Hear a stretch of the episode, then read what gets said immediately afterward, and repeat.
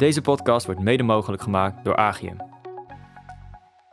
Vandaag gaan we in gesprek met Gert-Jan Strik, de CFO van het ANP, en Teun Eikmans, de CFO van Abovo MaxLead. Met hen gaan we praten over hun carrière stappen naar de rol van CFO toe. Mijn naam is Michael van Asperen en dit is Today's CFO Changing the Game.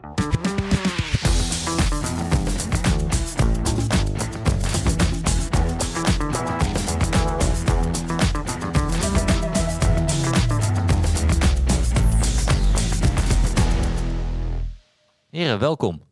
Goedemorgen. Goedemorgen. Leuk dat jullie er zijn. Ja, leuk om hier te zijn. Ja, bedankt voor de uitnodiging. Ja, graag gedaan. Ik vond het, eh, ik vond het eigenlijk leuk om, om jullie beiden uit te nodigen naar aanleiding van, eh, van een diner wat we een tijdje geleden hebben, hebben gehad. En eh, eh, ik moet zeggen, ehm, dingen vallen altijd op nadat je eh, andere mensen weer hebt gesproken. Is, eh, ik heb de laatste tijd heel veel KPN'ers gesproken. En, en jullie naam kwam ook nog wel eens terug. Dus nou, dat was helemaal... eh, Louter positief, neem ik aan. Louter positief. ja, ja, ja. Nee, Jorg de Graaf, eh, eh, niet heel onbekend in de, in de laatste eh, podcast, eh, ehm, had het ook nog toevallig eh, erover. Dus dat was wel, eh, was wel grappig. Dus ja, het is meant to be, denk ik. Om bij elkaar te komen. Toeval bestaat niet. Ja, nee, goed. toeval bestaat zeker niet. Nee, zeker niet, zeker niet. Maar eh, misschien eh, willen jullie heel kort even nog iets eh, vertellen over jullie achtergrond. Want ik heb net al verklapt, jullie komen allebei bij KPN vandaan. Zijn nu allebei CFO bij twee verschillende bedrijven. Maar misschien nog iets vertellen over, over jullie zelf. En, en naast dat, jullie kennen elkaar ook nog heel erg goed. Dus dit, dit, ja, dit wordt hilariteit, denk ik, deze... Een soort podcast. carbon copy intro, denk ik. Ja, ja. Tra tra tra- trap jij hem er maar af, eh, Teun. Yes, eh, Teun Eikmans, 34 jaar, momenteel eh, woonachtig in het mooie Broek in Waterland. Wat nooit iemand kende totdat er een hoop goudstaven in een overval eh, weer achter eh, werden gelaten. Maar het ligt net boven Amsterdam. Eh, lange tijd in Amsterdam gewoond. En eh, qua carrière eh, inderdaad eh, tien jaar ongeveer eh, KPN eh, eh, eh, achter de rug. Alvorens de stap te maken naar een ja, soort eh, groot MKB-bedrijf, eh Abovo Maxlead, waar ik nu eh, de rol van CFO mag bekleden. En ik noemde net Carbon Copy, omdat wij redelijk dezelfde achtergrond hebben. We hebben Tilburg gestudeerd, bedrijfseconomie, Master Finance. Allebei registercontrole. Ik ga al het gas even voor je voeten wegmaaien. En vervolgens gestart bij KPN, wel in allerlei verschillende rollen. Misschien dat ik over mijn pad bij KPN is echt wel corporate begonnen. Bij Treasury, Corporate Finance, Corporate Control. Dus ik kreeg een heel goed overzicht van hoe een groot bedrijf werkt. Daarna echt de business in, business control. eh, bij eh, onze consumententak in de, in de. En uiteindelijk ehm, verder gegaan in de business control hoek. Maar met name met eh, bedrijven die we gekocht hadden als KPN in de zakelijke IT-dienstverlening. Daar heb ik mijn laatste rollen vooral mogen doen. En toen zag ik dat die mensen eigenlijk een hele leuke baan hadden. De, de finance managers van de bedrijven die wij overnamen. Toen dacht ik, ja, dat wil ik ook. En dat kan ik ook. Dus dat ga ik doen. Ja, en zo doen de, de, zo doen de volgende stap gemaakt. Ja. Gaan we zo meteen nog Ja, verder uitgebreid op in. Dan laten we Gert-Jan ook nog even wat vertellen. Eh Gert-Jan Strik, 36 jaar, eh, woonachtig in Utrecht. Eh, nu nog met z'n tweeën, maar mijn vriendin is op dit moment hoogzwanger. Dus eh, mijn telefoon staat aan, dus het kan zijn dat ik straks weg word gebeld. Maar Oh daar gaan we niet van uit. Dus binnenkort met z'n drieën. Dus eh, daar gaat een hele hoop veranderen. Qua studieachtergrond, nou Teun heeft het inderdaad net weggemaaid. We zaten bij elkaar in de collegebank, bedrijfseconomie, Master Finance. en de opleiding voor registercontroller. ben ook gestart bij KPN. eerst als business controller. Daarna heb ik op de M&A fusie- en overnamesafdeling gewerkt. En uiteindelijk eh, na zes jaar ben ik uitgestroomd eh, op een eh, finance, control en accounting afdeling. Dus alle aspecten van finance wel gehad. Ben toen overgestapt naar eh, het bedrijf NPM Capital, eh, investeringsmaatschappij. Heb daar 2,5 jaar gezeten en eh, sinds een kleine vier jaar ben ik CFO bij eh, het Nederlandse persbureau, het ANP. Niet heel onbekend natuurlijk Zeker. voor ons. Ja, en dan die microfoons ben je wel gewend, maar we hebben net al gehoord eh, dat je er niet zo goed in was. Nee, nee, nee, nee. Dit, eh, dit is nu take 4 dat we hier zitten. En eh, uiteindelijk eh, zit ik dicht genoeg bij de microfoon. kijk, kijk. en ehm, als je nou even naar jullie carrièreverloop kijkt en, en, en de periode bij KPN, ehm, wat, wat hebben jullie daar het, het meeste geleerd voor jullie? Wat, wat, is, wat is er echt bijgebleven en, en erin gedrild? Wat is typisch KPN's? Drie vragen in één. Zo, ja. Ja, Ja, het Eh, zijn, er- het zijn er wel veel. Het is net, of te- tenminste voor mij, het is persoonlijke ontwikkeling, maar ook heel inhoudelijke ontwikkeling. Het is, voor mij was het natuurlijk vrij naïef. Je bent van klaar met de universiteit en je denkt de wereld te gaan veranderen, maar uiteindelijk moet je nog gewoon leren werken. En dat is dan zo'n plek als KPN een hele goede basis om, eh, om meerdere afdelingen om te mogen zitten. Eh, ja, het is van een vrij hoog professioneel niveau, dus je kan overal de, eh, eh, ja, gewoon eindelijk word je gewoon opgeleid hoe het echt in de praktijkwerk is. En, eh, eh, en dat was voor mij wel de grootste stap. Als ik dan nu, nu terugkijk bij een MKB-bedrijf, werken heel veel dingen anders. Maar dan zie je toch van, ja, maar nu snap ik dat waarom dat we daar deden. Of daar was toch wel goed over nagedacht. Ja, je hebt eigenlijk gewoon geleerd hoe het hoort. Dat is denk ik de, de, de- ja, hoe hoort het eigenlijk op zijn finance, denk ik. Ik denk dat KPN een, eh, ook zeker al vroeger bij was qua finance organisatie. Dus eh, eh, al heel snel de, de scheiding business control, financial control, eh, shared service organisaties had gemaakt. Dus je ziet dat het de organisatie was die, die voorliep in de ontwikkeling van het finance vak. En daardoor ook inhoudelijk je daar heel veel kon leren. Dus dat, ja, plus een, ook heel veel oog had voor persoonlijke ontwikkeling, inderdaad, wat Gert-Jan aangaf, maar ook dus voor je, je, je pad binnen die organisatie. En we hebben allebei op echt wel verschillende plekken in die organisatie gezeten. Nou, Jorg uit de vorige aflevering eh, zeker niet anders eh, eh, natuurlijk. En dat maakt het mooi dat je, dat je zoveel kansen krijgt.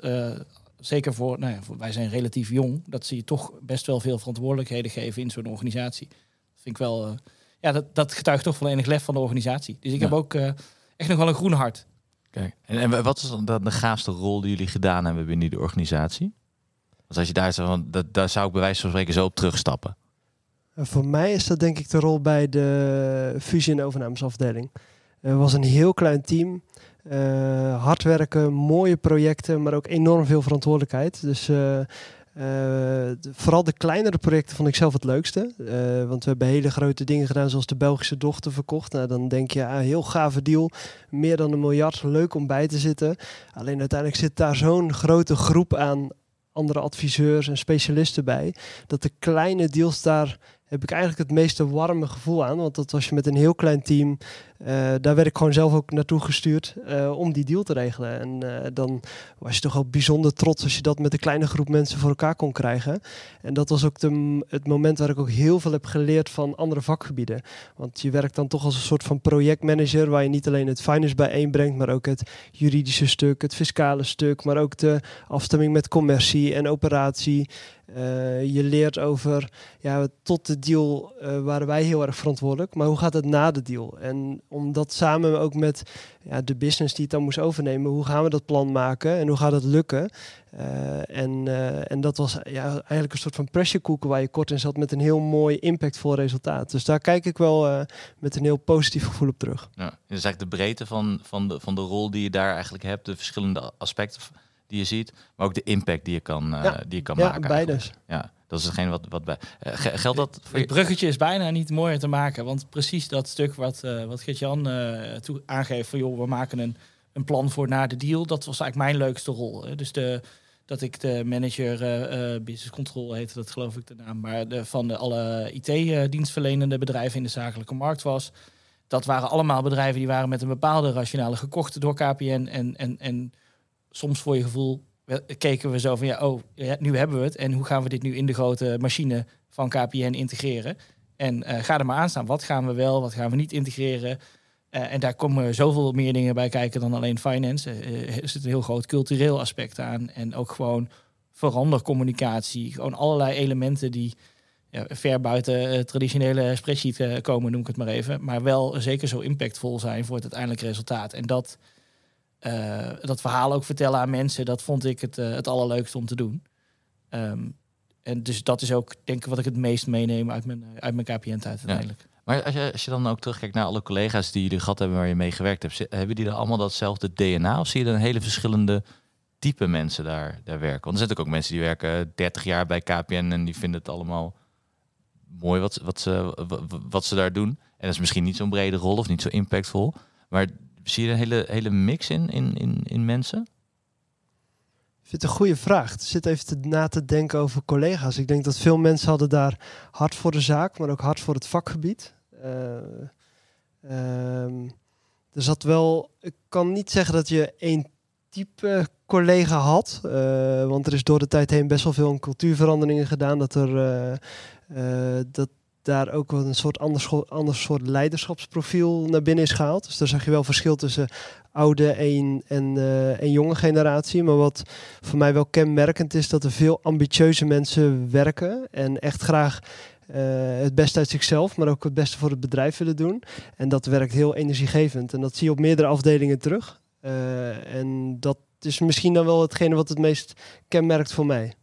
Weet niet of dat jij dat herkent. Ja, en, en, en echt inhoudelijk expertise. Dus eh, ik denk dat wij allebei toch wel meer een, een generalistisch profiel hebben. eh, en daarom ook de rol nu hebben die we nu hebben. Maar ik heb ongelooflijk veel geleerd van, eh, eh, van, van iemand die heel veel weet van pensioenen of van belastingen of van eh, noem het maar op. Eh, en, en daar heb ik dagelijks nog heel veel profijt van. Eh tuurlijk hoef ik het niet precies te weten. En ik heb een soort van ongeveer een belletje, rinkelt er. Maar dat, dus ik heb wel zeker in mijn, mijn eerste, om, echt in de corporate omgeving, dus het hoofdkantoor, waar alle echte experts zaten op allerlei vlakken, eh, heb ik heel veel met dat soort mensen gemaakt. En die hebben ook helemaal geen enkele interesse in, eh, in een bredere rol of een bredere kijk. En die vinden het prachtig. Eh, en ik vind dat weer prachtig, want dat is echt, eh, ja, daar kun je heel veel van leren. Ja, je vult elkaar eigenlijk best wel goed aan in de teams die, je- die, die je hebt. Maar dat, dat kan natuurlijk ook door de grootte van de organisatie die, die KPN eh, is. Die geeft jullie heel veel kansen. Die geeft mensen die op een heel specialistisch vakgebied door willen groeien natuurlijk hun kansen. Ehm, nu zijn jullie allebei naar een kleiner bedrijf gegaan. Ergens tussen de 50 en de 100 miljoen euro omzet. Dus een beetje, als ik dat goed, goed schets. Ietsje meer. Of iets meer. Ja, ik, weet, ik, weet- ik weet niet of ik het precies mag zeggen. Eh, dus vandaar een kleine range. Maar ehm, dan snap ik dat, dat de toegevoegde waarde die jullie kunnen bieden vanuit de breedte van de rol die, die jullie kunnen hebben. Maar je hebt niet meer die mensen waar je op terug kan, eh, kan vallen dan. Die, die specialisten, die heb je niet meer in je organisatie echt zitten op die manier, toch? Of, Nou, je hebt nog steeds wel heel veel specialisten, alleen dan in andere vakgebieden. Dus niet zozeer in finance. Dus eh, eh, bij ons heb je heel veel specialisten in de journalistiek. Specialisten eh, in IT.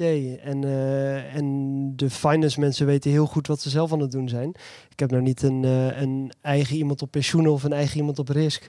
Alleen dat is ook niet nodig in een, in een MKB-bedrijf. Maar omdat je er zelf wel veel mee te maken hebt gehad, kan je daar wel de best practices uithalen. Mhm. En wat gewoon fijn is, door de tijd heen bouw je zelf ook een netwerk op met veel eh, ja, oud-collega's en bekenden om daar nog als ook over te sparren. En als je weet van, hé, hey, hier heb ik wat meer kennis nodig, ja, blijven er ook altijd genoeg adviseurs rond je bedrijf heen zwemmen om die naar binnen te halen als het nodig is. Ja, ja eigenlijk, eh, volgens mij heb ik dat ergens in mijn RC-opleiding geleerd. Van je, je moet er eigenlijk net, net genoeg vanaf weten om te weten dat je het niet meer weet en dat je iemand moet inschakelen. Eh, en kijk, als je echt eh, onbewust, eh, onbekwaam bent en je hebt geen idee eh, waar in welke risico's je navigeert of, of eh, op een bepaald terrein, ja, dan, dan heb je een probleem. Maar als je, als je iets herkent en je weet, ik moet nu, ja, ik heb het niet meer in mijn organisatie misschien, maar ik moet externe advies in, in winnen. Dat is, dan ben je er ook uiteindelijk.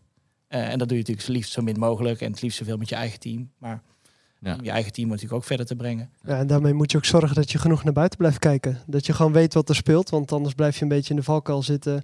Ik denk dat ik alles onder controle heb, terwijl er buiten heel veel verandert. En eh, ja, daar zijn genoeg mooie events, plekken, opleidingen voor om eh, je up-to-date te blijven. dus jullie zijn ook heel bewust ook bezig om, om niet alleen maar intern te zitten, maar ook regelmatig naar buiten te gaan. Zeker. en anderen te spreken. Ja. En, en, en als je uh, naar terug gaat, jullie zaten allebei op de, op de, op de opleiding in Tilburg. Um, wisten jullie toen allebei al dat jullie CFO gingen worden? Jij eerst.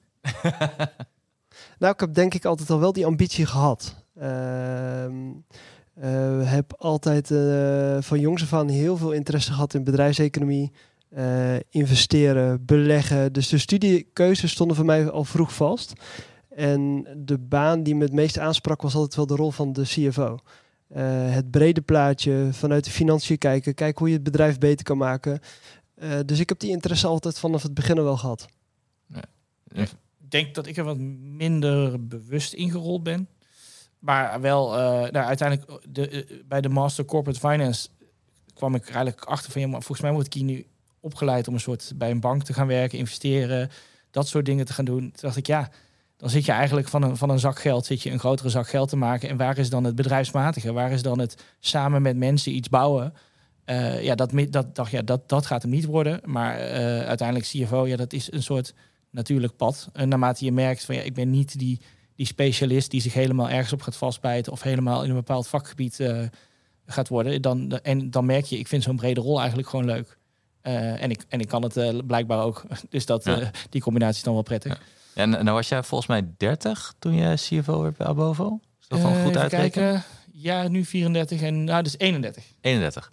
Dus, dat is, dat is misschien mensen zeggen best jong. Vo- vo- Vond je dat zelf ook? eh, dat je dacht van, oh, ben ik er wel klaar voor? Of Ehm, ja, het was denk ik een beetje soort van op het kantelpunt. De reden dat ik, dat ik eh, in de rol ben gestapt en heb kunnen stappen die ik nu heb had, is het omdat ik wel heel veel ervaring uh, had. Op dat moment een, eh, was zelf een mannetje of 130 groot, had een bedrijf van 70 mensen gekocht. En eh, zaten eigenlijk in de fase van wat gaan we hier nu mee doen? Want we hebben nu ja, de, twee directeur-eigenaren die, die zagen boven eigenlijk meer het, het, een, een, traditioneel mediabureau. We moeten versnellen op digitale marketing. Een van de, van de middelen is om dan een digitaal marketingbedrijf te kopen. Nou, dat hebben ze denk ik goed gezien.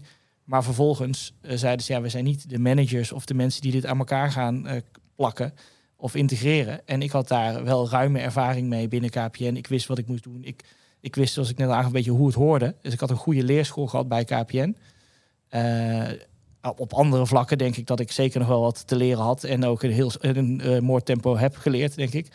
Uh, maar daardoor was mijn profiel wel dusdanig passend dat ik dacht, dit is wel het juiste moment. Uh, en, en zij gelukkig ook. Dus nu drie jaar later zitten we er, zitten we er nog. Ja, ja. En, en, en, en bij jou, Gert-Jan, jij was... 32. 32? Ja, nou maar ja... Het is, je hebt gewonnen. Ja, je oh. Ja.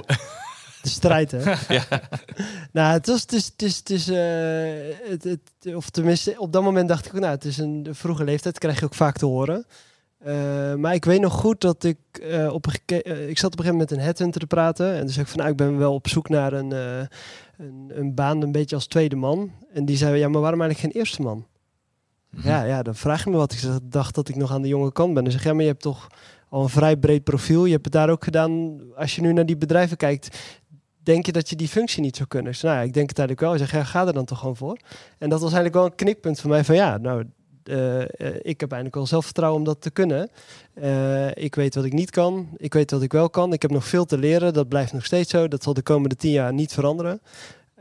Maar dat gaf wel de vertrouwen om dan te kijken. En dan is het ook aan de andere kant van de tafel... zit er een bepaalde chemie en gaan we dit doen. En die was er. En ja, dan moet je er ook maar gewoon het beste van maken. Ja. En, en, en, en toen het ANP voorbij kwam, toen dacht je... oh, die, die ken ik wel, ik ga er gelijk voor? Of, of nou, ik had een heel leuk gesprek. Uh, ik was met, uh, met, toen met de directie aan het praten. En uh, die waren net, ze waren net ervoor overgenomen door Talpa. er werd nieuw management opgezet, of tenminste een gedeelte. de wilde echt in een ondernemend klimaat wat meer gaan doen. ja, goede kennismaking, je voelt dat er goede energie is. En dan denk je, ja, hier wil ik bij zijn. Dus, en zo gestart. Ja. Maar oh, want het, het grappige is, ik hoor, ik hoor jou zeggen, Teun, um, het bedrijf had net een ander bedrijf overgenomen vanuit de, de integratie van de twee bedrijven. Was ik een logische, een logische fit. Bij hoor ik, wij zijn, uh, ANP was overgenomen door, uh, door Talpa. Zat daar dan ook achter die logische fit uh, vanuit de, de, de ervaringen die jij met M&A's had? Of was er een, een andere um, reden waar, waar de fit precies zat? Ja, de reden durf ik altijd niet te zeggen, want uiteindelijk zij de, die hebben de keuze gemaakt. Ik weet dat ze uh, naar een ander professionaliteitsniveau wilden hebben, dus ook een wat breder profiel binnen willen ja. halen. Uh, en daarvoor deed ik aan. Dus, uh, en zodoende hadden we een goede klik en daar is het mee gestart. Ja. Wat, wat, wat, wat ook wel grappig is, want jullie komen allebei uit, die, uit zo'n grote corporate omgeving, hè, is dat je best wel vaak uh, uh, hoort bij wat, wat kleinere bedrijven of start-ups of dergelijke. Ja, iemand is een corporate die snapt toch nooit uh, hoe dit werkt of hoe het bij zo'n klein bedrijf werkt. Dus ja, die is gewend, die krijgt alles netjes op papier, die zijn niet hands-on, dit en dat. Dat hebben jullie nooit, dat gevoel hebben jullie nooit gehad, als ik jullie zo hoor. Ja, misschien zit er een stukje pragmatiek in. Dus ik werk zelf vrij pragmatisch en dat heb ik altijd zo gedaan. Uh, en dat is denk ik ook wel wat je nodig hebt bij een uh, wat kleiner bedrijf. Want het kan niet allemaal goud garant. Daar heb je gewoon de middelen niet voor. Van ja, als je alles helemaal dichtgetikt wil hebben, heb je een hele grote overheidsorganisatie nodig. En dat, dat kan gewoon niet uit en dat is ook helemaal niet nodig. Eh, dus je moet gewoon meer kijken van wat is belangrijk, wat zijn de risico's, hoe willen we het afdekken, hoe willen we het in gaan richten en daar ook pragmatisch mee omgaan en, eh, en daar de goede balans in zoeken. En uh, ik ken Teun een beetje en voor mezelf spreek ook. Ik denk dat pragmatiek daar wel enorm in helpt. Ja, er, er zullen ongetwijfeld mensen zijn in een corporate, die uit een corporate omgeving komen, die echt niet zullen aarden in, in een dergelijke setting. En inderdaad denken, ja, maar waar blijft mijn, uh, mijn goudgerande managementrapportage die op mijn bureau ploft? En waar, waar, waar kan ik al mijn werk naartoe trappen, noem ik het maar even. Ja, dat, dat, ja dat, zo zit ik niet in elkaar en, en Gertjan ook niet. Dus het is echt wel...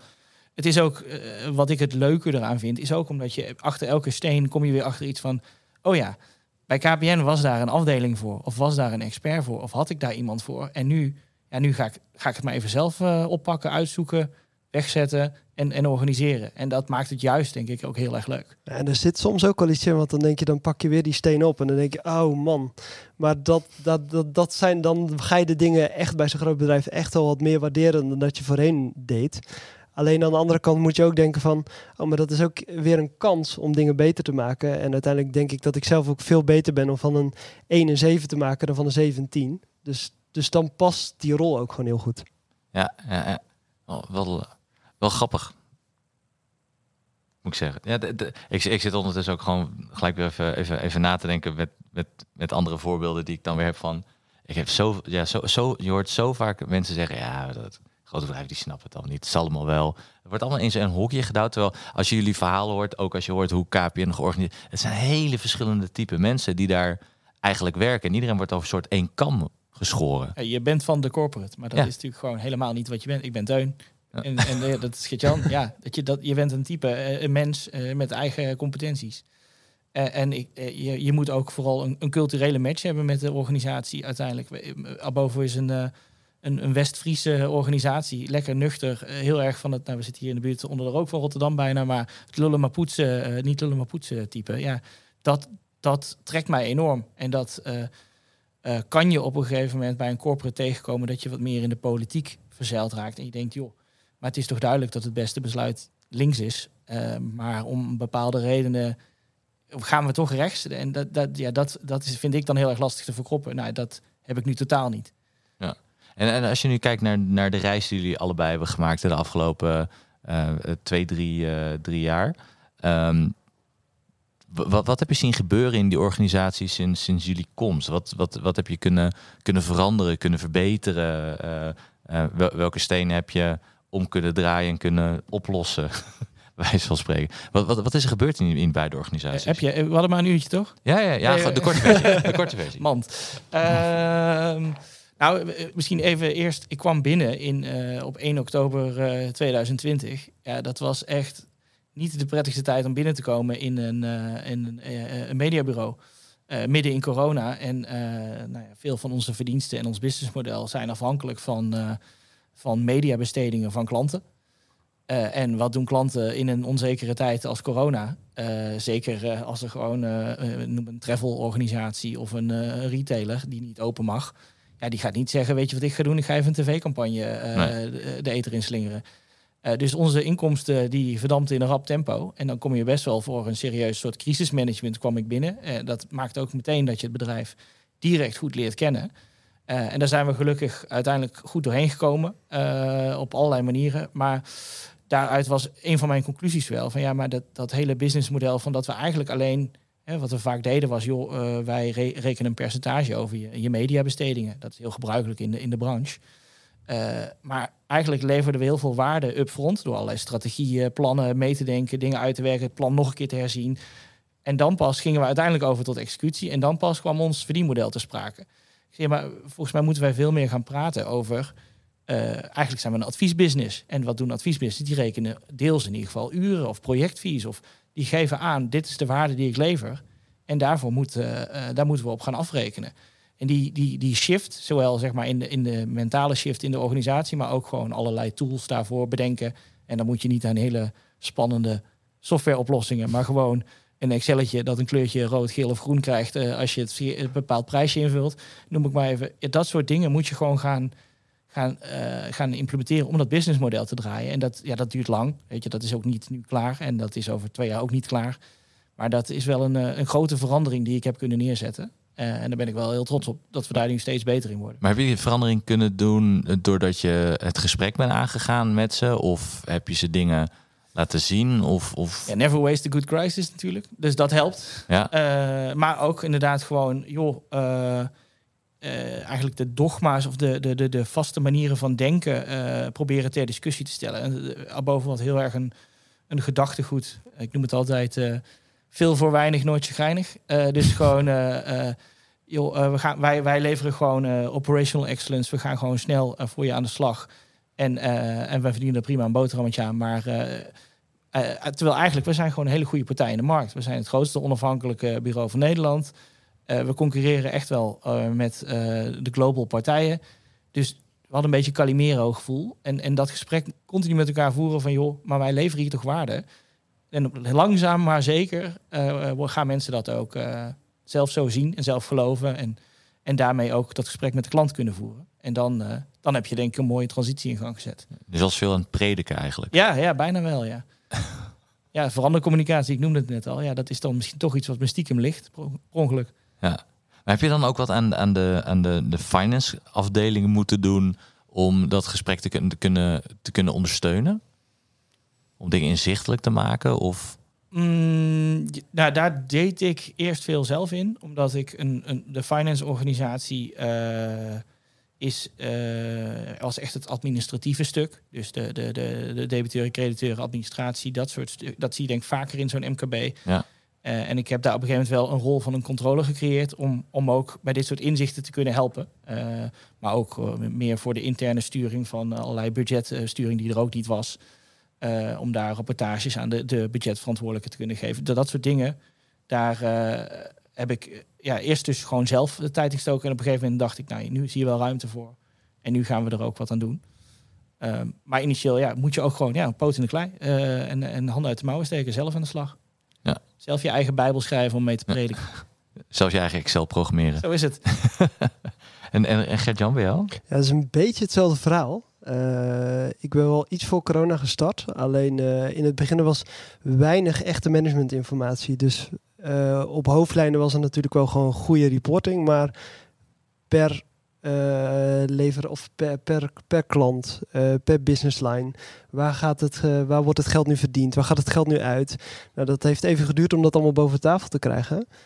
En toen kwam corona. Dus dat kwamen eigenlijk al twee dingen mooi bij elkaar. Want we moesten gaan voorbereiden op wat er zou komen. En op dat moment waren ook al onze informatie was af van ja, waar verdienen we het geld en wat moeten we eigenlijk stoppen. En zo werden die discussies heel objectief uh, gevoerd. En kon ik mijn rol dus ook heel natuurlijk nemen. Want overheen denk ik finance toch een wat meer administratieve ja, afdeling was. Kreeg hij nu echt een positie die mede de discussie bepaalde. Waar gaan we het over hebben? En dat is toch wel de kentering geweest om veel meer data gedreven te werken met elkaar. En zo konden we heel veel besluiten nemen om met bepaalde dingen te stoppen, waar eigenlijk niemand uh, last van heeft gehad. Dus toen op sommige business lines de omzet inviel, wat ook in corona gebeurde, hebben we daar onderaan de streep niet heel veel van gemerkt. Maar dat was wel de aanzet om voortaan veel meer vanuit data te kijken. Wat zijn we aan het doen? Uh, hoe kunnen we het meten? Hoe kunnen we gecalculeerde risico's nemen? Wanneer gaan we door? Uh, en dat wat meer op tafel te krijgen. En dan krijg je daar wat dan krijg je daar een heel natuurlijk gesprek in. Maar had je daarbij alleen financieel uh, gerelateerde data of had je ook andere data vanuit de organisatie die je daarvoor Nee, dat is heel breed. Uh, veel van de basis gaat natuurlijk uh, is, is financieel. alleen we hebben bijvoorbeeld ook een hele goede hoofdredacteur die ook heel goed bezig is met hoe worden onze, uh, onze stukken overgenomen wat wij maken.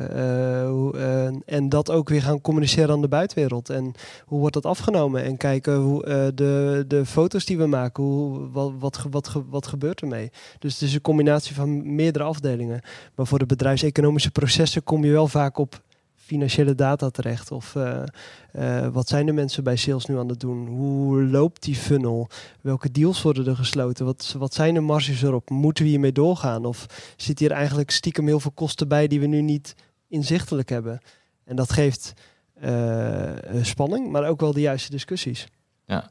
En, en, en als je dan nu naar jou, jouw rol, en dan vraag ik het zo meteen natuurlijk ook aan, aan, aan Teun, da, daarin kijkt. Want jullie rol is breder dan alleen die financiële afdelingen. Dus, dus wat, hebben jullie allemaal, wat heb je allemaal aan je rapporteren? Uh, nou, bij ons is de directie zo geregeld dat ik samen met de algemeen directeur uh, de statutaire directie ben. Ja. Daaromheen hebben we nog een directieteam. Daar zitten we dan totaal met z'n zessen in. Uh, dus samen met de algemeen directeur kijken we eigenlijk naar elke afdeling. hoe het gaat. En waar ik in het begin, dus vier jaar geleden, heel erg veel op finance afdeling echt bezig was om dat te professionaliseren, kost me dat denk ik nu nog maar één, anderhalve dag in de week. En de rest van de dagen is meekijken met andere afdelingen. Maar ook veel naar buiten kijken, uh, met technologie bezig, uh, overnames, strategische discussies. Hoe kunnen we andere afdelingen helpen? Dus dat is veel breder geworden. Ja. Ja, dus het feit dat je die brede positie hebt, dat je statutair verantwoordelijk bent samen met, met iemand anders, maakt het misschien ook makkelijk om zo'n of makkelijk, makkelijker, om, om, uh, om zo'n transitie te, te, door, te doorstaan? Nou, ik weet niet zozeer of dat, dat echt aan de titel moet hangen. Uh, want het is ook gewoon, je voelt je verantwoordelijk voor het hele bedrijf. Je wilt het ook gewoon goed doen. En dat vanuit jouw discipline en kennis probeer je daarom bij te dragen. Dus uiteindelijk zal het niet vanuit mij zijn, ik geef een andere afdeling een opdracht. Maar gewoon met elkaar de discussie voeren. En besluiten van wat is nu het beste voor het bedrijf. En als we allemaal met die intenties erin zitten, ja, dan hou je het vrij objectief. Mm. Ik zag Teun al een beetje zo, volgens mij antwoord. ja knikken. nou, het, het, lijkt, eh, denk ik, in ieder geval de structuur lijkt, uh, lijkt op wat, wat uh, voor mij ook geldt. Dus ik heb uh, um, een, een CEO en ik die statutaire bestuurders zijn samen met een directieteam van nog totaal met z'n zevenen zijn. en waar ik eigenlijk voor verantwoordelijk ben, is uh, de huiskleur van Abovo is blauw en de huiskleur van Maxlead is rood. En dus alles wat we gezamenlijk noemen shared services, dat noemen we paars. Uh, en eigenlijk alle paarse afdelingen, dat, uh, dat communiceert altijd lekker, dat, dat, daar ga ik over. Dus dat is administratie of finance team, HR, inkoop, nou ja, project, een soort van overkoepelende projectmanagers voor strategische projecten. dingen als we met certificering of duurzaamheid of dat soort dingen aan de slag gaan. Ehm, en uh, met name ook een grote, en dat is een beetje een dubbele, want het is ook echt een business, een mediatech afdeling, onze IT-afdeling. Wij doen heel veel development in huis. We hebben onze eigen systemen ontwikkeld. Maar we doen ook veel dienstverlening door. Eh, data is ook deels ons, onze dienstverlening aan klanten. De, gewoon laten zien hoe je campagnes draaien, wat de resultaten zijn, waar geoptimaliseerd kan worden, rapportages daarvoor genereren. Dat is ook deels onze business. Dat, dat uh, valt ook onder mij. Dus dat is een beetje mijn scope. Ja, ja. Ja, want, want, want, want denken jullie dat, dat die impact die jullie nu kunnen, kunnen maken door, uh, uh, door hetgene wat, wat, jullie doen en door jullie positie, dat je als CFO van een, een grote corporate, laten we KPN als voorbeeld nemen, uh, dat, dat de CFO er net zo'n grote impact kan, kan hebben? Of is, is het daar toch veel meer business-driven? Nou, ik denk dat de, eh, de CFO wel absoluut grote impact hebben. Maar ik, ik dacht zelf vroeger altijd, uh, je, je kan daar wel veel veranderen, maar je zit heel erg de, met de, de druk van de markt in je nek. Dus je bent van kwartaalcijfer naar kwartaalcijfer aan het rennen. Ja. En proberen dat allemaal uh, zeg maar heel erg korte termijn gebaseerd. terwijl je, nou, in mijn huidige rol heb ik veel meer de ruimte om ook wat meer de, de midden- en de lange termijn in ieder geval niet uit het oog te verliezen en daar ook echt aan te bouwen. dus de impact die je uiteindelijk maakt als CFO van een hele grote organisatie, is dat je, uh, de metafoor bij KPN was volgens mij dat het een soort olietanker was. Ja, als je een olietanker de goede kant op krijgt, dan krijg je wel een hele hoop containers in Amerika die je met de speedboot niet krijgt natuurlijk. Dus dat is natuurlijk het, het, het andere eraan. Maar uh, voor mij, uh, voor geen goud dat ik aan een beurs genoteerd, ik zeg het nu dan, hè, maar misschien later nog even over hebben, maar dat, dat ik echt bij een beursgenoteerde organisatie CFO zou willen zijn. En hoe zie jij, Jan die impact als... Ja, ik vind dat moeilijk om te zeggen, omdat ik A, ook die plek nooit zelf heb opgezeten. Dus dan is het altijd uh, bekijken van een afstand. Ik denk dat je wat meer bestuurder bent.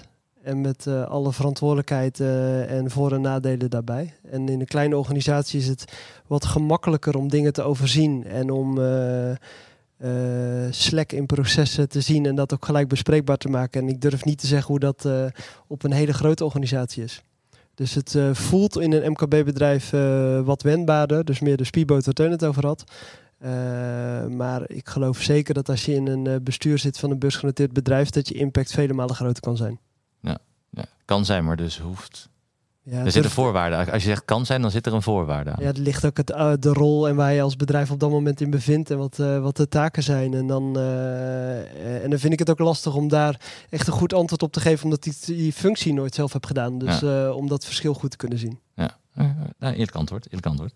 En, en, en als, jullie, als jullie nu, eh, ehm, nu ook even terugkijken, wat, is, eh, wat is nou iets waarvan jullie hebben wakker gelegen de afgelopen... eh, ja, want je bent ja, je, waarschijnlijk bij, bij, als, je- op de, de M&A-afdeling of de integratieafdeling hebt gezeten, heb je ook wel eens wakker gelegen van iets. Maar nu ben je verantwoordelijk ook echt voor, eh, voor een groep mensen. Wat, wat zijn nou dingen waar jullie echt wakker van hebben gelegen de afgelopen eh, paar jaar?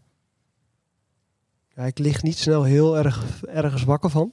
Dus dat, eh, dat scheelt. Er zijn wel dagen dat, eh, dat ik wel gewoon met, eh, met iets rondlopen of, of wat meer aan het piekeren ben. Alleen ik probeer dan wel op dat moment altijd snel collega's op te zoeken en even mijn hoofd te legen en even met elkaar te kijken van wat is hier nou echt aan de hand. En eh, eh, de ene keer is dat heel positief en de andere keer zit je even met elkaar wat in een mineur en daar moet ook even tijd voor zijn. Eh, een van de dingen wat soms kan zijn is dat je denkt van ja, hoezo gaat die verandering zo langzaam? Ik denk dat dat zeker voor een ongeduldig persoon zoals ik ben wel, wel herkenbaar moet zijn. Alleen ook als je dan ziet van nou, we zijn wel met de juiste dingen bezig, kan daar toch wel berusting in vinden. Mhm. Ga ik zo meteen even op door. Ga ik, ga ik even, even nog kijken waar Teun wakker van ligt. Ja, in het begin natuurlijk gewoon crisismanagement. Ja, ik, ik, slaap ook vrij goed hoor, gelukkig. Ik ben vrij stressbestendig volgens mij. Maar echt crisismanagement is wel iets waar je eh, eh, dagelijks eh, van eh, slecht van kan slapen. Kan, ik, kan ik wel gewoon door... Moeten we niet echt gaan reorganiseren? Moeten we niet mensen laten gaan omdat we gewoon niet de business draaien die we, die verwachten tijdens COVID, uiteraard.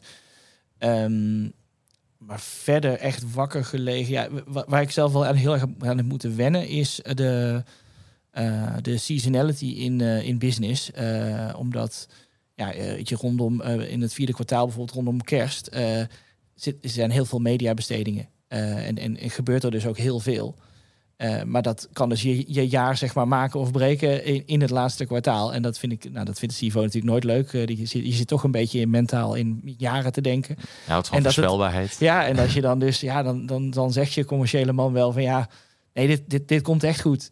En dat zeggen commerciële mannen natuurlijk eigenlijk altijd. Eh, dus dat, is, dat vind ik wel een heel moeilijke om daar grip op te krijgen en te houden. En daar kun je natuurlijk allerlei dingen weer op inrichten. Maar dat blijft een, een spannend spel wat je speelt met elkaar. En eh, ja, dat, die, daar eh, kun je wel eens wat slapeloze nachten van, eh, van hebben, zeg maar.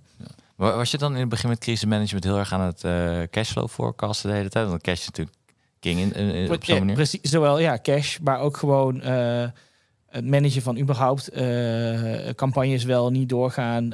discussie over ja, oké, eh, precies waar ik net eigenlijk mee begon. Eh, we hebben wel heel veel werk hierin zitten en jij, en jij beste klant, trekt nu je, Ja. je hele vierde kwartaal eruit.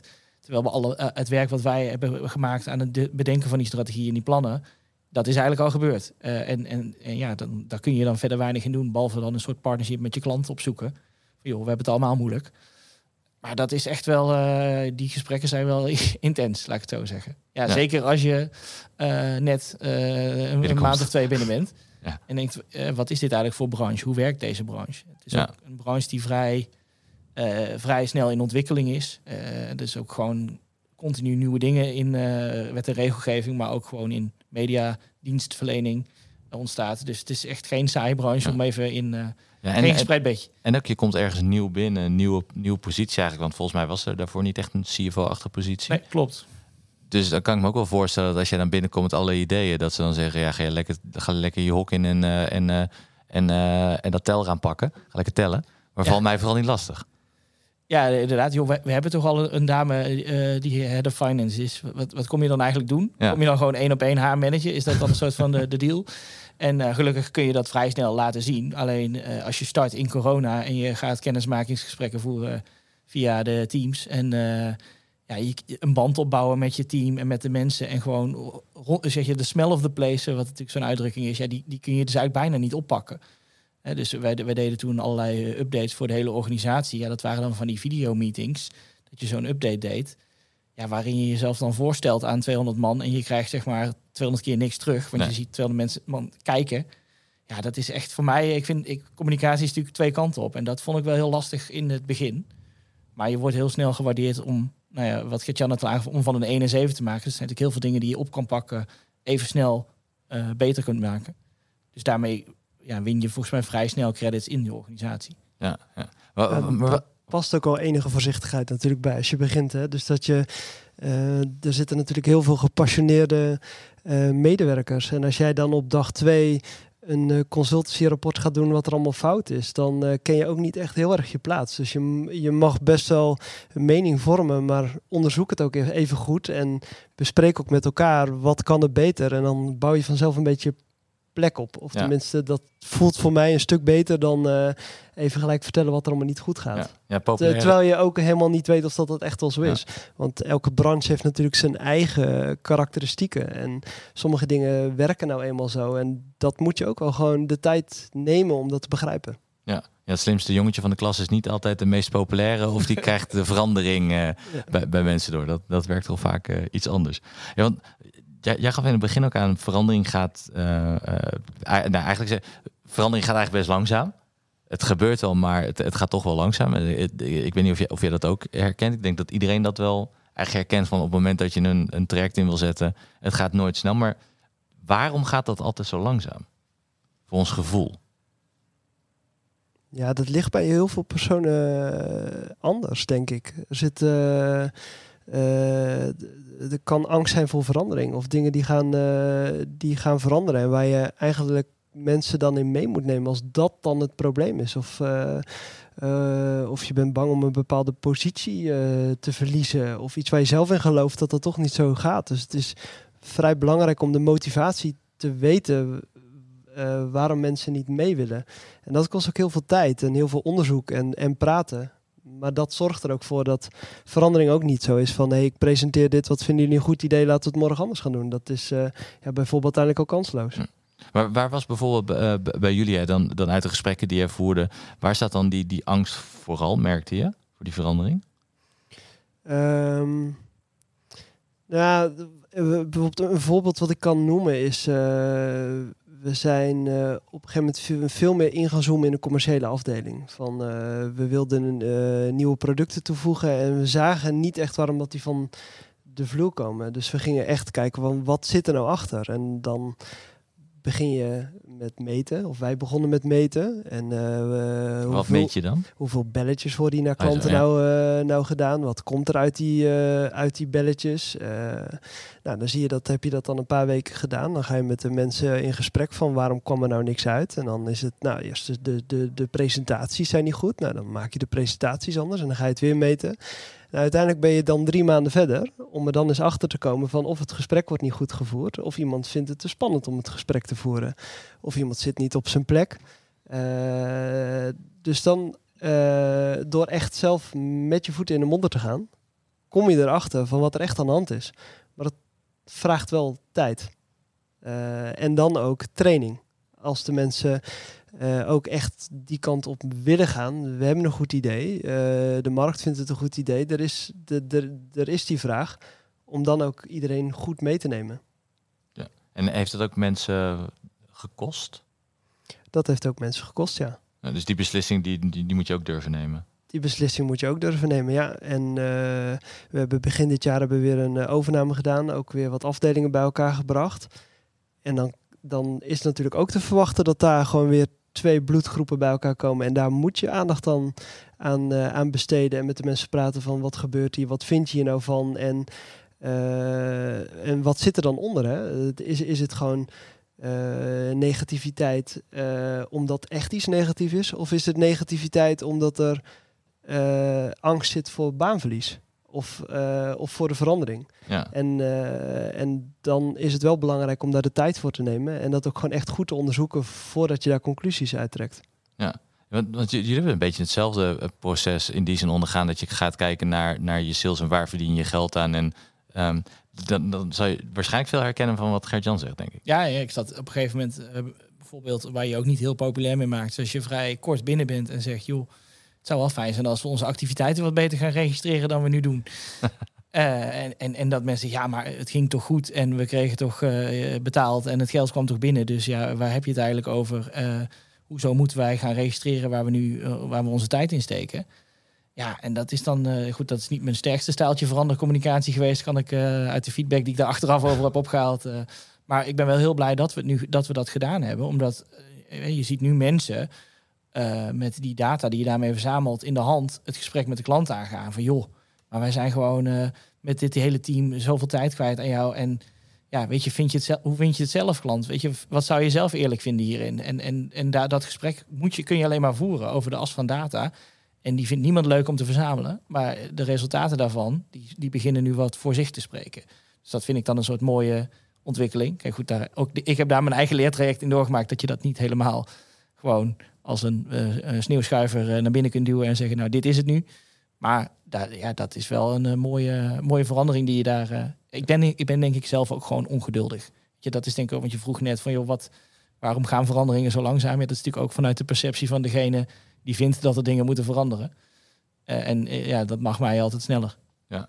Maar wat, wat ook wel grappig is in, in, in, het, in het verhaal wat jij hier, eh, eh, zojuist daarvoor vertelde aan het begin, is dat je ook die stap wil maken van, oké, op het moment dat we een klant gaan helpen, willen we eigenlijk ook geld aan verdienen. Dus je wil een stuk consultancy eh, ehm, eh, toegevoegd. Dan kan ik me best voorstellen dat er dan mensen die normaal gesproken dat gesprek voeren, zeggen van, ja, maar dan moet ik daar nu geld voor gaan. Maar dan gaan, dan gaan ze naar iemand anders toe. Ja. Daar, zit, daar zit ook echt een, een angst in. Hoe krijg je ze dan ervan overtuigd dat ze toch er geld voor kunnen gaan eh, Ja, maar gaan dat gaat in stapjes. Dus dat is niet. Ik heb niet gezegd, eh, joh, eh, we moeten het model in één keer helemaal om gaan gooien. Maar begin eens met deze additionele dienstverlening eens even te verkopen. Weet je, gewoon een klein stukje waar je ook, eh, weet je, dat vind je wat waard volgens mij. Even check. Ja, dat vind je wat waard. Nou, daar, daar kun je dan toch ook wat voor vragen. Dat is dan toch niet all-inclusive.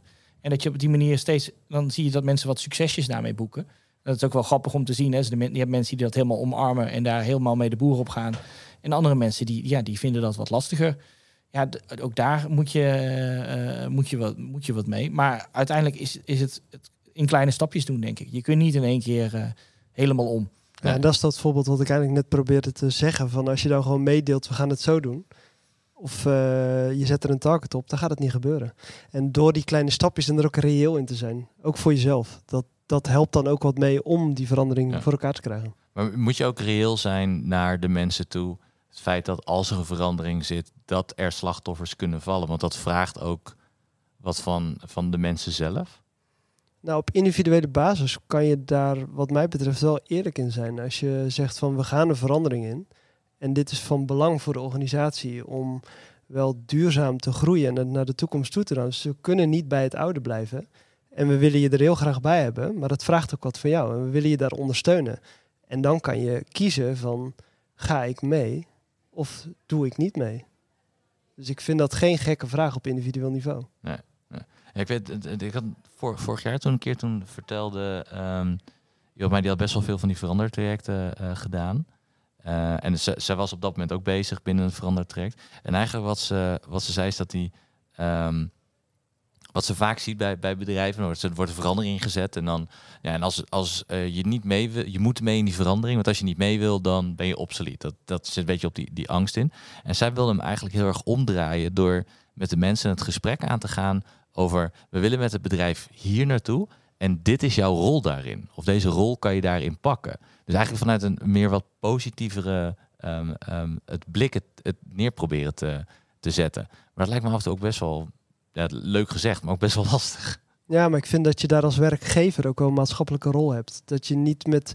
eh, het, het zijn mensen waar je het over hebt. Dus, dus, dus je kan niet zomaar zeggen: we nemen nu afscheid. Wat je in Amerika kan doen, eh, je bent nu ontslagen. En volgende maand trekken we een nieuw blik andere mensen open met, een, met andere eigenschappen. Eh, dat kan gelukkig niet in Nederland, maar dat is maar goed ook. Dus je hebt wel een verantwoordelijkheid als werkgever om mensen daarin mee te nemen, te trainen eh, en eh, ook door te gaan groeien naar een volgend niveau. En dat kost tijd en dat is, eh, dat is uitdagend en lastig, maar ik vind wel dat je dat moet proberen. En uiteindelijk als dat niet lukt en je komt er van beide kanten achter, ja, je zit geen energie meer in, dan moet je naar een ander traject gaan. Ah, amen. Heb je op dezelfde school gezeten? Ja, ja. lijkt, het lijkt het op. Ja, wat, wat, eh, zo, zo'n beetje richting het eh, einde ook gaan, hè, eh, is ehm, wat ik wel van jouw grootste, ik weet niet of het je grootste leerles was, maar een van jouw leerlessen is in ieder geval jouw, jouw communicatie was voor jou wel een belangrijke leerles. Is dat ook jouw grootste leerles geweest? Mm, ik denk dat je daar het, het meeste... Nou, dat is natuurlijk een breed stuk. Kijk, kijk, waar ik het meeste in leer elke dag is, is dingen die gewoon die erbij komen ten opzichte van een, van een finance rol in een corporate. Dus dat betekent eh, ook onderhandelen bijvoorbeeld met leveranciers, eh, in- inkoopgesprekken. eh, dus dat, nou, communicatie, ja. Slecht nieuwsgesprekken met medewerkers leren voeren op een goede manier. Communicatie ook. Maar gewoon eigenlijk alle, ik noem het maar even de, de breedte van, van onderwerpen die je er, die je er zeg maar opeens bij krijgt. En waar je ook geacht wordt van iets mee te kunnen. Eh, eh, wetgeving, eh, privacy, eh, eh, certificering over informatiebeveiliging. Gewoon inhoudelijk heel veel topics. Maar uiteindelijk zou, is denk ik communicatie wel een goede soort van rode draad daar doorheen. Ja, ja. dat zou ik wel een goede, mooie takeaway vinden. Ja. En, en ehm, zijn er nog dingen die je dan hebt gedaan om dat specifiek te verbeteren? Nou, ik... eh, Als oefening baardkunst. Ja, nou, dus we hebben een, eh, een, een soort coach voor ons eh, team, waar, waar ik daar regelmatig over, over spar, over dit soort onderwerpen, van hoe zou ik dit nu moeten doen. Ja. En er zijn natuurlijk ja, allerlei leerstijlen. Hè. Je kunt, je, het- meestal is het, maak het klein, experimenteer eerst even. Ga niet gelijk met dat miljoenencontract even je nieuwe onderhandelstijl uitproberen. is misschien een beetje hoog spel, maar als je een keer wat kleins hebt, kijk even hoe het werkt, toets het, leer ervan. Dat werkt voor mij heel goed. Ik ben niet zo van de, van de theorie of de YouTube-filmpjes kijken of de, de, de boeken lezen en het dan nagaan doen. Dat, eh, soms vind ik dat leuk, maar ik ben meer van het, de experimentele leerstijl, noem ik het maar even. Ja. En, en, en voor jou, wat, als jij terugdenkt, jou... Ja, ik zal niet over communicatie beginnen, want anders wordt het een beetje afgezaagd. Maar dat doe je Sorry. eigenlijk altijd te weinig. Eh, dus ook ik. Eén ding wat ik voor mezelf ook altijd meeneem is... eh, maak dingen heel concreet. En eh, bij eh, strategische richtingen, bij bestuursoverleggen, bij het maken van een synergiecasus, zolang het vaag blijft, en we, dan hebben we er al vrij snel allemaal niet hetzelfde beeld bij. En dan zie je dat ook in de executie snel fout gaan. is ook vrijblijvend vaak. hè? Als het vaag is, dan ja. Ja, of we hebben er allemaal andere gedachten over. En door het... eh, dus ik neem zelf vaak ook de rol als penvoerder op. Om echt op te schrijven van... Dus dit hebben we afgesproken. Dus dit gaan we doen. Eh, is dat wel reëel? Kost veel tijd. Maar dat zorgt uiteindelijk voor dat de executie wel een stuk realistischer is en, eh, en beter gaat. In alle verschillende trajecten. Dus gewoon eigenlijk gewoon duidelijkheid scheppen. Concreet maken. Heel concreet maken. Ja, ja. En, als je nou kijkt, over vijf jaar zitten we hier weer. En je kent het programma nog vijf jaar later. over vijf jaar zitten we hier weer. Ehm, wa- waar sta je dan met de organisatie? Wat, wat, wat, is het ANP dan op dat moment en, en, en, en waar staat daar boven? Ehm, nou, als je kijkt naar onze, onze branche, is dit eh, best wel een. eh, ja, er is een behoorlijke consolidatieslag gaande in, zeg maar, zowel media als digital eh, agency land. Dus daar is. Eh, het is niet onze ambitie om dan per se een enorm eh, buy-and-build vehicle te worden. Eh, wij kijken altijd rond naar een soort van aanvullende dienstverlening die, die, die ons kan versterken. Ehm, maar ja, het is niet onaannemelijk dat er een verdere consolidatieslag in die hele markt plaats gaat vinden. Wij zijn niet onafhankelijk om het onafhankelijk blijven per se. Eh, onze CEO zijn laatste interview. Uiteindelijk is alles te koop. Maar dat is niet onze ambitie. We hebben ook niet de ambitie om een enorm eh, conglomeraat aan allerlei agencies aan elkaar te rijgen. Weet je, wij zien, we hebben best wel een, een, goed target klantsegment. Eh, We zitten een beetje op de eh, net, net onder de, eh, de, de, de topadverteerders, zeg maar. Een beetje de, de subtop noem ik het maar even. Die krijgen eigenlijk geen liefde van die geconsolide- geconsolideerde eh, ja, mo- monsterbedrijven, noem ik het even. En dan schop ik vast een conculega tegen de, tegen de schenen, want dat is natuurlijk helemaal niet waar. Eh, maar daar hebben we, eh, zien we nog heel veel potentie om in te groeien, om verder onze data-tech-proposities te ontwikkelen. Dus wij, hebben, eh, wij kunnen echt nog wel, hè, we hebben tegen onszelf gezegd, we willen toen de CEO en ik starten, we willen binnen drie jaar verdubbelen, qua, ook niet qua volume, want dat ja, kan iedereen uiteindelijk, noem ik het even flauw, maar gewoon qua resultaat. Nou, daar zijn we naar op weg en dat kan nog zeker verder door eh, in de nabije toekomst, denk ik. Maar willen jullie dan meer een, een, een soort boutique-achtige speler Ja, dus dat zou ik, vind ik een te kleine eh, beoordeling. Dus als je, eh, ik noem ons al het grootste onafhankelijke bureau. Als je kijkt naar de, de mediabestedingen die wij onder beheer hebben, dan zitten we echt wel in het eh boven linker rijtje eredivisie, noem ik het maar even. Eh, maar dan zijn wij de, ja, ik moet oppassen met voetbalmetaforen, want ik weet er helemaal niks van. maar dan zijn wij in ieder geval zo'n zo'n club met minder budgetten, maar die het ook lekker doen. Dus eh, wat is AZ, dat? ja. AZ of zo? Ik weet niet hoe dat heet. Oh, dan schop ik weer iemand tegen het uh, serenbeen. Ik Dat- zeg niks meer. Eh, ik ga je er niet naar vragen. dus dat, eh, ja, wij, wij zijn echt wel een, een serieuze speler. Maar gewoon eh, onafhankelijk opgezet door eh, twee West-Friese eh, uit de klei getrokken gasten die gewoon lekker ondernemen. En, eh, en dat voorlopig ook wel blijven doen. Ja, ja. En, maar eh, en als je dan kijkt naar, ehm, eh, naar jouw rol en, en, en de finance afdeling zelf, wat, wat zou, waar zou die over vijf jaar wat jou betreft moeten staan? Wat, moeten, ze- wat moet er anders zijn dan, dan nu? Ja, dan, dan kom je op eh, meer standaardiseren. Zorgen dat je, kijk, wat we eigenlijk zouden moeten kunnen is met het team dat we nu hebben zitten, een aantal additionele acquisities moeten kunnen absorberen. En daar je systeem op inrichten dat dat op die manier gaat werken. En dat je daardoor dus ruimte creëert in je finance organisatie voor de, wat dan altijd zo mooi de, de waarde toevoegende activiteiten noemen, maar het echte controlewerk. En waar, waar ik in het begin over zei dat dat, dat veel eerst vanuit mij kwam. Nou, dat ik daar nu één iemand heb die, die me daarin ondersteunt. Maar dat zou natuurlijk veel meer mogen en kunnen nog. Eh, maar daar moet je wel capaciteit voor maken. En dat moet je doen door, door zeg maar even het transactionele eh, beter in te richten.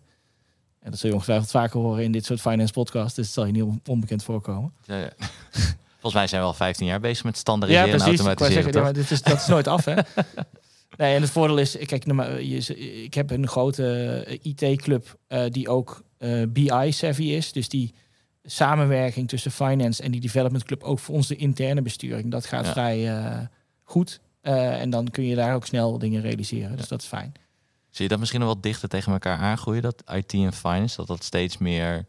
En dan, en dan niet zozeer de systeembeheerder, maar meer de, de data savvy-achtige eh, Ja, dat is, ervan. dat is denk ik al continu gaande. En eh, dat, dat, ja, dat soort rollen ontstaan natuurlijk steeds meer. Het is natuurlijk altijd dat je, dat je weet eh, wat aan de ene kant de gebruiker zou willen zien. En, en, en dan aan de andere kant, je hoeft niet technisch het helemaal in te richten, maar je moet wel snappen hoe techniek werkt. Ja. En dat soort verbindende rollen zie ik alleen maar meer vraag naar ontstaan. Ja. Dus dat Ja, is, en- data savviness is natuurlijk ook wel iets van elke afdeling. ja. Je kan niet zozeer zonder. Dat is niet alleen iets van finance of vanuit IT. Dat is ook voor iets voor commercie, maar net zoveel voor de operatie. Ja, ja dat, dat, dat is waar. Het is trouwens ook weer zo'n eh zo'n hypewoord, toch? Data savvy. Over 15 jaar hebben we het daar nog steeds Ja. over, denk ik. maar het is wel, je ziet het wel ehm, steeds meer toch allemaal naar elkaar eh toe groeien. Dat, zeker bij grote bedrijven, die hebben vaak aparte afdelingen, eh, eh, de data labs en weet ik wat allemaal. En toch zit ook steeds meer weer in de afdelingen zelf komen dat daar mensen zitten die ermee mee kunnen, kunnen werken. Dat is denk ik een beetje een conjunctuur, toch? Dat is in golven. En dan komt er weer iemand, ja, we hebben nu iets daar gebouwd. Ja, dan gaan we nu Dan moet er weer- weer iemand komen die dan dat wel kan vertalen naar iets bruikbaars voor die Ja. afdeling. Oh, we gaan het weer centraliseren, want alle ke- kennis en kunde is weer gefragmenteerd. En ja, zo gaat het denk ik allemaal in golven. Ja. Uiteindelijk moet je gewoon de juiste competenties in je organisatie Ja. orga- hebben en organiseren. En dan even, eh, Gert-Jan, naar jou toe. De, eh, waar staat de ANP over vijf jaar? Eh, nou, het ANP heeft een groot maatschappelijke rol ook als eh, onafhankelijke feitenleverancier voor alle mediapartijen in Nederland. Eh, we bestaan al bijna 90 jaar en, de, en onze hoop is natuurlijk om dat zeker nog 90 jaar te doen. En we zijn nu in een transitie om alles klaar te maken voor de toekomst. En ik denk de afgelopen tien jaar misschien meer is er in, de, in het medialandschap een vrij grote consolidatie geweest. En dat heeft best wel impact op ANP als organisatie. Want ja, kijk hier, we zijn met financials onder elkaar. Dus daar zie je, eh, iedereen is op zoek naar synergie. Nou ja, in de media klonten de eh, uitgevers bij elkaar. En daar werd 1 en 1 nooit 2,5 voor ons, maar eerder 1,8. Dus eh, ons, het, basisverdienmodel is niet duurzaam genoeg. En daar moeten we naartoe groeien. Dus daar doe ik ook mijn best voor. En dat zit hem op meerdere dingen. Dus door en nieuwe, nieuwe verdienmodellen te zoeken. maar ook met de klanten te gaan kijken van hoe kunnen eh, wij meer doen voor de, eh, voor de afnemers. Zodat er ook een, een, een eerlijkere beloning voor staat. Eh, en ook hoe kunnen wij onze organisatie daarop inrichten. Dus dat we wel in dat duurzame model terecht gaan komen. Eh, er gebeurt nu heel veel, eh, vooral specifiek over AI. Daar doen wij al jaren mee, maar sinds dit jaar is natuurlijk eh, alles in de stroomversnelling gekomen. Dus dat moet ook goed gecoördineerd worden. Dus ik hoop eindelijk dat wij, als je vijf jaar vanaf nu bent, dat wij in een duurzaam model zitten.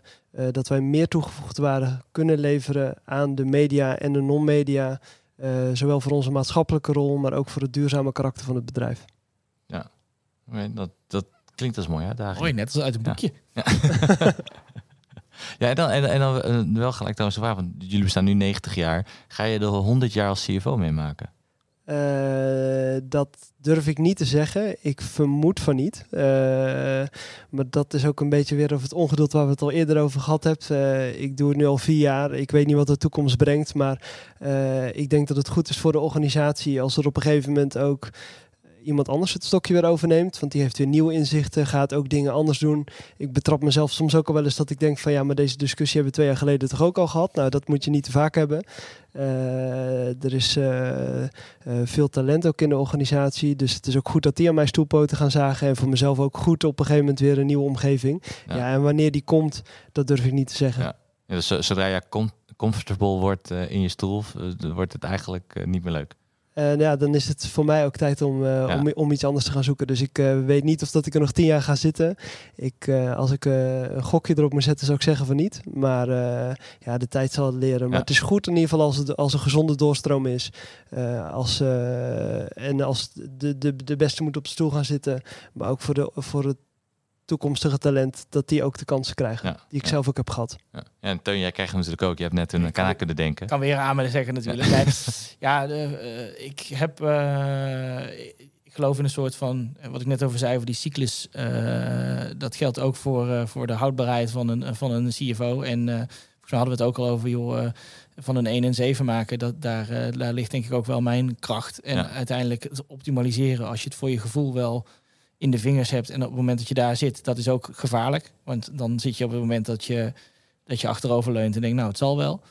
Eh, en natuurlijk zijn er allerlei uitdagingen die je voor jezelf nog ziet en hebt. Maar, maar als je achterover gaat leunen, dat is het moment dat je volgens mij voor de organisatie nou ja, je, je houdbaarheid hebt eh, verspeeld. Nou, dat is voorlopig eh, zeker niet aan de orde. Dus ik zit er nu bijna als het 2,5, zeg maar, drie, richting de drie jaar. Ik ben nog niet lang niet uitgespeeld. Maar ik heb niet ja, idee van ik ben uiteindelijk eh, Nee, getrouwd met de boven Maxlied en eh, tot de dood ontscheidt. Dus Ja. het ergens daartussen. Nee, en ik hoor bij jullie allebei eigenlijk, eh, als je richting die 7 komt, dan, dan, is het, dan is het mooi om weer een nieuwe plek te vinden waar je weer van het 1 naar Seven een year 7 itch. kan, kan waken. Sorry? De seven year itch. Ja, dus ja, ik weet niet of die ook 7 jaar duurt. eh. Ja, je wil er gewoon graag een getal op plakken, Ja. Michael. Is dat... ja, ja, ja, ja, ja, klopt. Ja, maar Geef maar door. Dan Ja, word je aangehouden. Hè? Ja. Dus als je de volgende keer hier zit, dan wordt het teruggeblikt. Ja, dus je moet Zeker, uitkijken. ja, ja, ja, ja, maar dat, dat heb je als je veel met financials omgaat, wil je toch met cijfertjes werken. Ja, ja. Nee, ik, eh, ik, ik wil je eigenlijk eh, ehm, hartelijk danken voor, eh, voor het gesprek. Ik vond het, vond het erg leuk om, om jullie ook in deze setting zo, eh, zo te zien. En, en eh, jullie ervaringen en ook jullie drijfveer een beetje te, te horen. Want je ziet toch wel weer ehm, andere types dan eh, eh, andere CFO's weer, moet ik zeggen. Eh, en, en zo is iedere mens en iedere CFO eh, uniek. Maar het is juist mooi ook om al die verschillende profielen en, en mensen voorbij te laten komen. Eh, ja, dus ik wil jullie hartelijk danken. Ik hoop dat jullie het ook leuk vonden. Graag Uiteraard. gedaan. Ja, graag leuk. Ja. Ja. leuk om een keer eh, een podcast te maken. Wel wennen aan die microfoon natuurlijk. Ja, we gaan het eh, terug horen of dat ik eh, goed op mijn stoel heb kunnen blijven zitten. Ja, nou, ik wil zeggen, je zat goed op je stoel en je was goed verstaanbaar. Ah, dus eh, je hebt goed gelukkig, geluisterd. je bent geslaagd. ik denk dat De, je de, binnenkort de, de, ra- de radiomensen zullen trots zijn. Ja, ik, ik denk dat ze binnenkort vragen of je toch weer opnieuw een nieuwsberichtje in wil spreken. ja, ik zal het eens proberen. Als je me niet te enthousiast doet. nee, maar ik, ik, nogmaals hartelijk dank. En ja, ik zou zeggen, tot, eh, tot over vijf jaar dan.